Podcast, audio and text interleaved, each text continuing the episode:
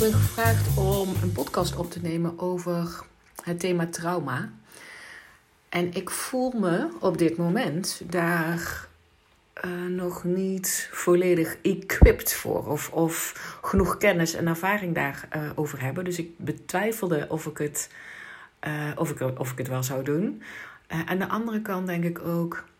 Maar de informatie die ik wel heb over trauma, hoe ik er tegenaan kijk, um, hoe ik daar zelf mee omga, uh, wat mijn insteek uh, is, dat is misschien wel genoeg voor in deze podcast minstens één iemand te helpen. En dus dacht ik, ik ga hem wel opnemen.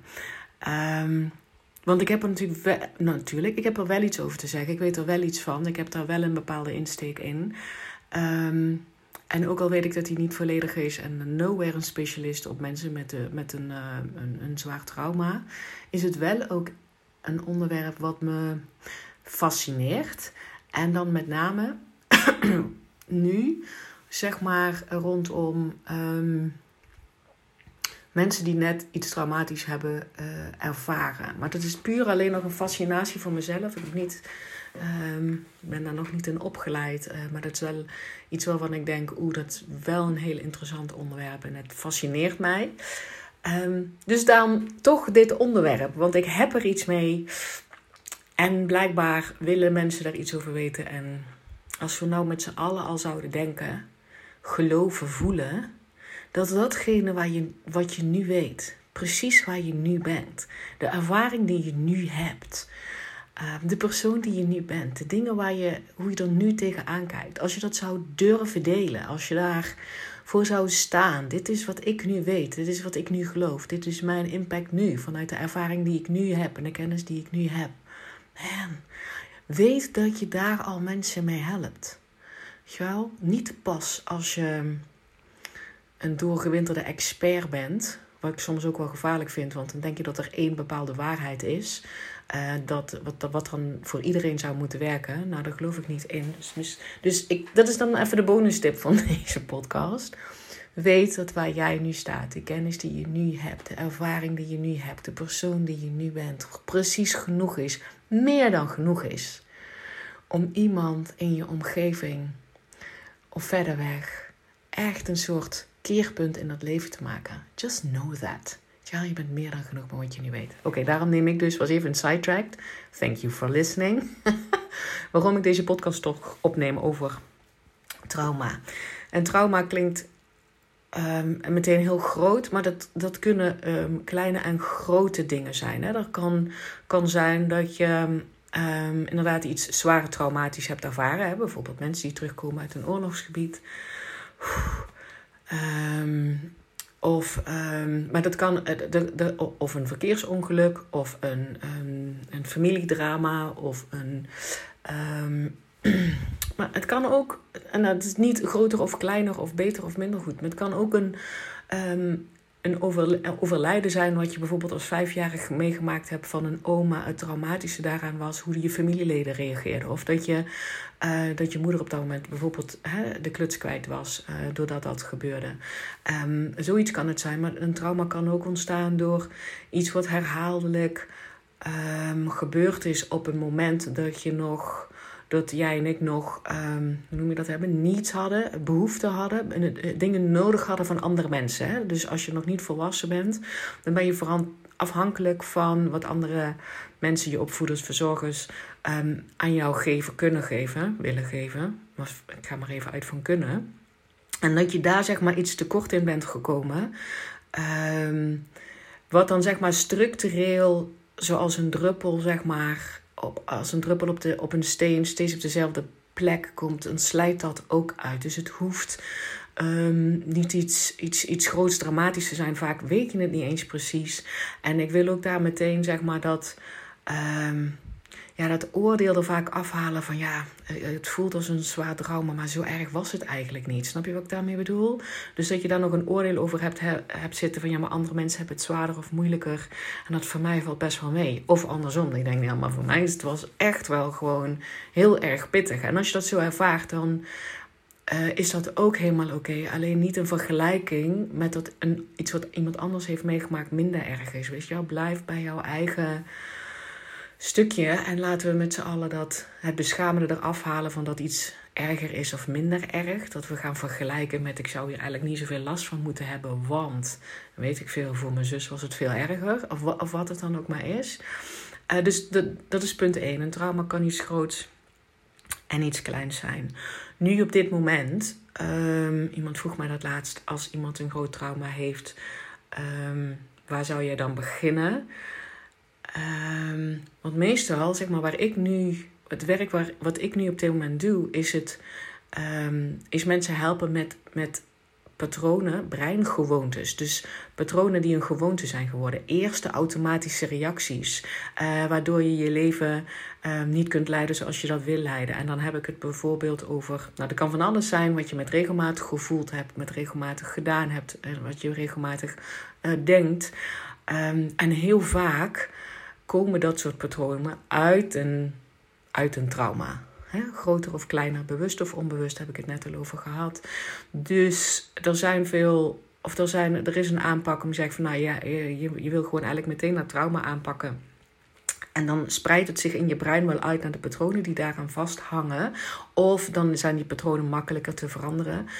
Uh, maar omdat ik geen traumaspecialist ben, zou ik, als iemand bij mij komt, um, met een groot trauma. Ja, nogmaals, ik zou echt eerst voelen van is dat wel iets waar ik um, aan ga zitten. Want ik zou je met liefde doorverwijzen naar iemand die echt um, nou, gewoon heel goed is in, in traumawerk.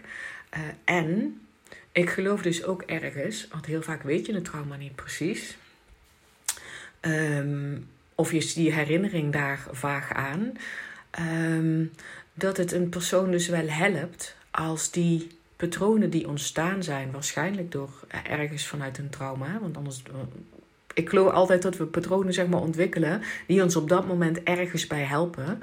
En, en als dat zeg maar gewoontes zijn geworden, waar je dan jaren later denkt: het helpt mij niet meer. Ik heb het vaak genoeg gevoeld, ik heb het vaak genoeg gedaan, ik heb het vaak genoeg gedacht. Het helpt mij nu niet meer in hoe ik mijn leven wil leiden. Zeg maar, dat is het werk wat ik doe om je dan zeg maar, te helpen die patronen uh, te doorbreken. Um, en ook, dat is ook het werk wat ik doe, als je een bepaald patroon zou willen creëren. Als je bijvoorbeeld denkt van, um, ik, ik, ik wil een, een, een uh, patroon, een, gewoonte maken dat ik bijvoorbeeld ga sporten. Of dat ik dingen niet meer uitstel. Of dat ik... Um, uh, meer energie heb of, of, of, of duidelijker weet wat ik wil. Hè? Want het zijn ook patronen. En steeds vastzitten in, ja, maar ik weet niet wat ik wil, of ik weet het antwoord niet en daardoor niet in beweging komen, is ook een patroon. Dus dat is het werk wat ik doe. Um, maar ik geloof dus ook dat, stel je voor, iemand heeft een trauma. Nou, ik denk trouwens dat we die allemaal hebben, in meer of mindere mate. En daar vloeien. Uh, daaruit ontstaan zijn patronen die jou nou niet meer dienen. Dan zou ik um, dus wel beginnen bij, bij zo'n patroon. Omdat ik denk, waar heb je nu in je dagelijks leven, waar, waar loop je nu tegenaan? Hè, welk patroon, wat, wat is zich, wat zich constant herhaalt nu in je dagelijks leven, waar je je denkt, het dient mij niet meer. Ik heb dat vaak genoeg gevoeld. Ik heb het vaak genoeg gedaan. Ik heb het vaak genoeg gedacht. Ik kom niet verder. Um, dat, dat, als jij, dat als wij zeg maar samen dat patroon dat habituated pattern zouden um, ja, veranderen, vind ik een groot woord. Maar dat je in ieder geval de triggers die dat patroon uh, activeren, dat we die neutraliseren. Dat is toch zo. En dat, je, en dat die persoon dus zelf ook weer in die power voelt. Oh, wacht eens even, ik heb wel iets te zeggen. Het wordt niet meer alleen maar die eerste automatische reactie en ik zit er al in en dan kan ik niks meer. Dus bijvoorbeeld een paniekaanval of een stress, of, of een richting meer een, een, een verslavende neiging, of um, angst voor vliegen en daardoor eh, kan ik nooit meer in een vliegtuig. Als je gewoon zeg maar die power al voelt, ik kan, die, um, ik kan dat doorbreken in het moment. Het is niet dat ik dan helemaal overgegeven ben aan wat me dan ook maar op dat moment overkomt, maar ik kan dan iets, dan zet ik zo'n persoon weer ja, je voelt je dan weer krachtig. Je voelt dan ook, ik heb dus wel iets te zeggen. Oh, maar als ik dit kleine, kleine stukje kan veranderen. Um, en, dat ik, en dat je je gesterkt voelt in die techniek. En dat je gesterkt voelt in Um, wat je zelf kan doen in het moment, maar ook dat je denkt: oh, maar ditgene waar ik dus al jaren last van heb, dit kleine stukje kan ik veranderen. Um, dan geloof ik dus zeg maar dat je dat, dat empowerment je steeds meer klaarmaakt om dan uiteindelijk, als er nog een trauma zou zitten, uh, om dat ook um, aan te kijken. En dus dat zou mijn uh, insteek zijn. En ook hoe ons brein werkt, dat we zeg maar wat er nou gebeurt als we echt een, een, traumatische ervaring uh, meemaken. En nogmaals, geen oordeel erop wat het dan is, maar als het voor jou traumatisch is, hoe ons brein werkt, is. Die wil ervoor komen dat wij nooit meer in die situatie komen te zitten. En dus wat ons brein doet, is het krampachtig willen onthouden. En dat is dus vanuit bescherming, omdat het wil dat wij nooit meer in die situatie terechtkomen. Maar, maar snap dus dat dat de functie van jouw brein is, bescherming. En die doet dat door dat krampachtig te willen onthouden.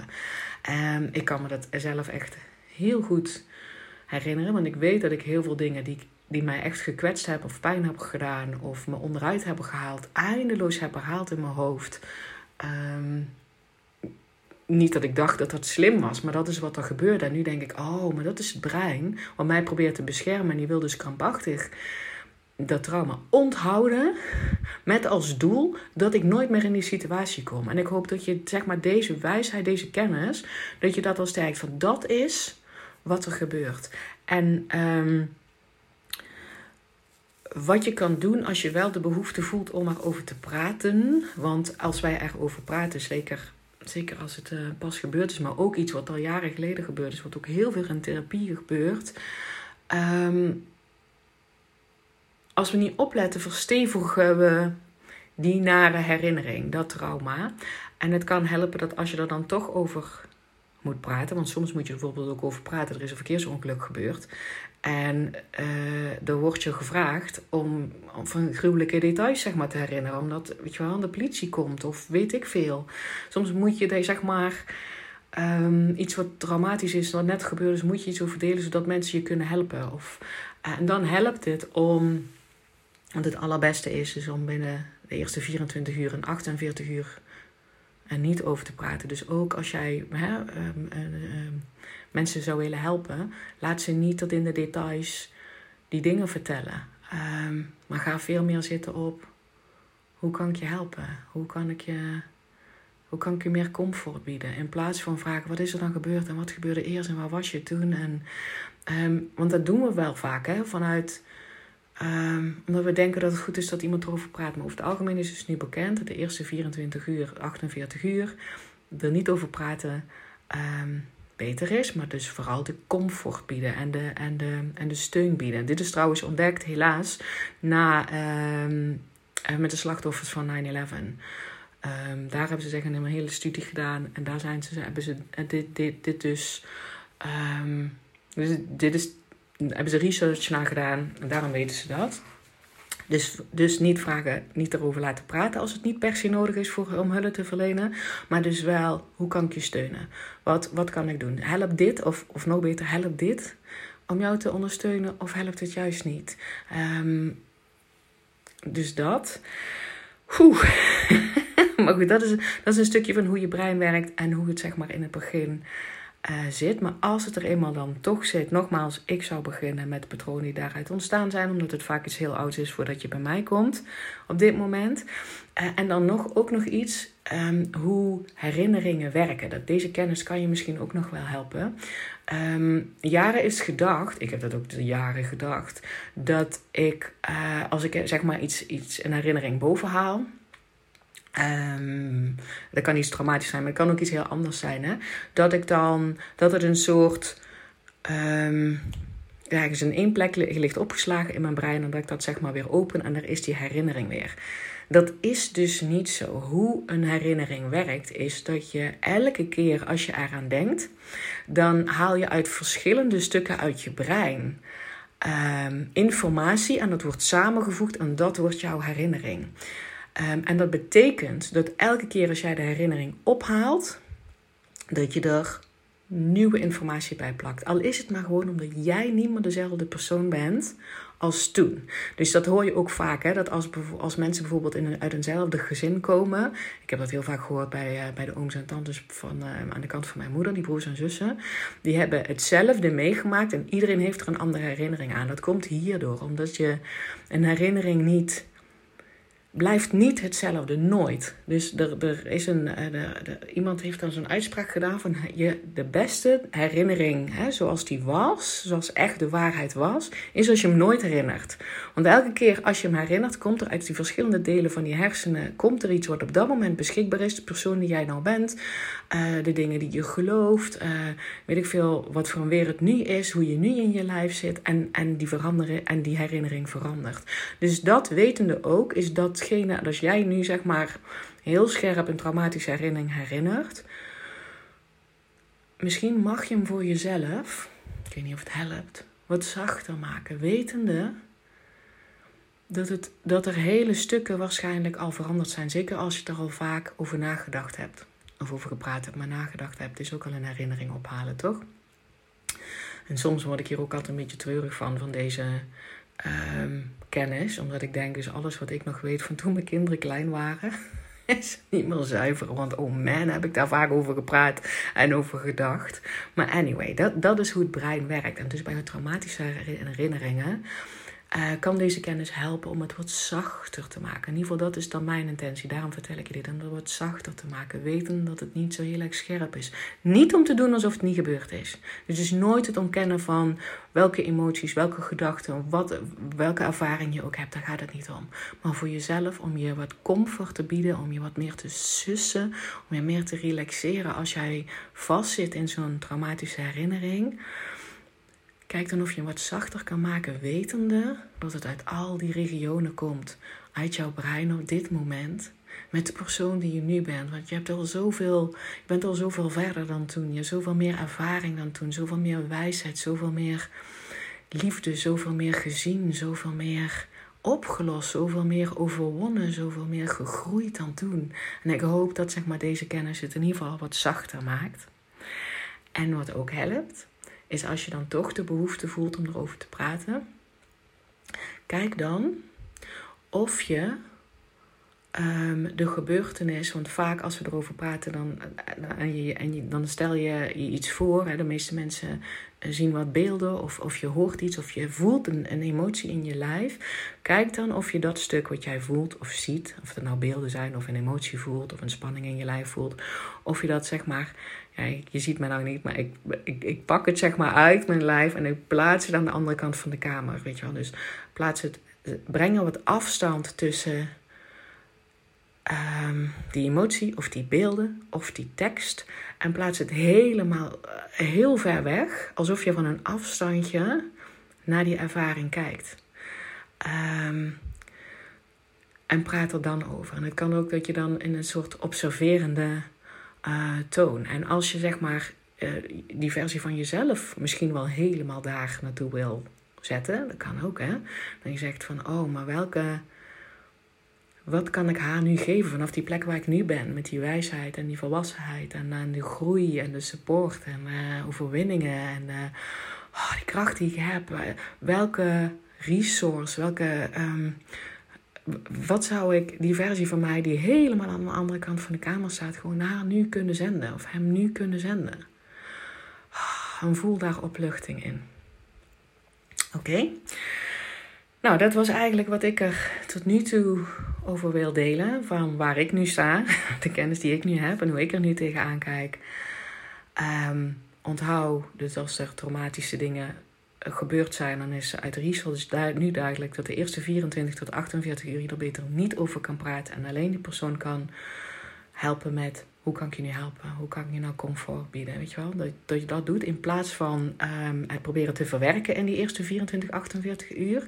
Weet dus dat je brein zo werkt, dat het niet jouw fout is, maar dat je het dus dat je brein van wanhopig probeert het op te slaan met het doel jou te beschermen, zodat je het niet vergeet, zodat je niet nog een keer in die situatie terechtkomt. Haal dat beschamende er dus vanaf. Dat is gewoon hoe je brein werkt. Of het nou iets groots of iets kleins was, maakt niet uit. Dat, dat is gewoon hoe, je, hoe jouw brein werkt.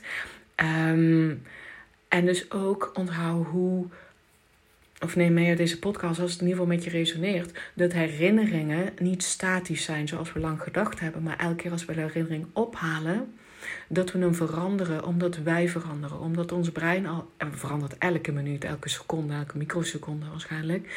Um, dus de herinnering, hoe pijnlijk dat die ook is en hoe, um, uh, hoeveel impact het ook heeft op je leven. Um, ik hoop dat dat het wat zachter maakt. Nogmaals, niet om te doen alsof het niet bestaat. Niet om, uh, om het kleiner te maken. Niet om het weg te duwen. Maar ik hoop dat het wat zachter maakt, deze, deze kennis. Daarom, daarom heb ik het met je gedeeld. En hoe ik er dus naar kijk, wat ik nu um, als coach op dit moment nu zou doen, is veel meer de mensen helpen met wat zijn de patronen die je nu hebt, waar je nu tegenaan loopt in je dagelijks leven, waarvan je misschien wel denkt dat komt door dat trauma. Wat is nu wat je nu ervaart, wat je nu voelt, wat je nu doet, wat je nu, die eerste automatische reacties. Als ik je die zou kunnen helpen, uh, dat je daar weer invloed op hebt en dat je die kleine dingetjes alweer kan veranderen, um, want het zijpelt door. Want bijvoorbeeld zo'n, um, bijvoorbeeld het, het, uh, het thema onzekerheid. Eh, dat zit niet in één stukje van je brein. Dat zit op heel veel neurale netwerken. Dus als we daar dat soort dingen op kleine vlakken uh, kunnen veranderen, zijpelt het door. Maar het gaat er vooral om dat, dat je dan voelt: oh, maar als ik dit stukje waar ik jaren last van heb, als ik daar zeg maar impact, invloed op kan hebben. En ik voel dat het aan het veranderen is. En ik voel dat ik degene ben die dat doe. Hè? Want het gaat niet om de afhankelijkheid met mij. Ik leer je hoe jij dat kan doen. Dat je je dan empowered voelt om dat stukje wat daar nog zit van een trauma eventueel ook aan te gaan kijken. Oké, ik hoop dat dit helpt. Mocht je er nog vragen over hebben, je kan me altijd een mailtje sturen. contact.pamvandenberg.nl En uh, ik ga ervan uit dat ook al aarzel ik over mijn kennis en ervaring. Nee, ik weet trouwens zeker dat ik daar niet veel kennis en ervaring over heb. Ik geloof toch dat ik daar minstens één iemand mee geholpen ben, heb. En als jij dat bent, please let me know. Ik spreek jou heel graag bij de volgende podcast. Naast deze creatieve uitlaatklep kan je door mij één op één gecoacht worden. Interessant voor jou? Stuur mij een mailtje contact@pamvandenberg.nl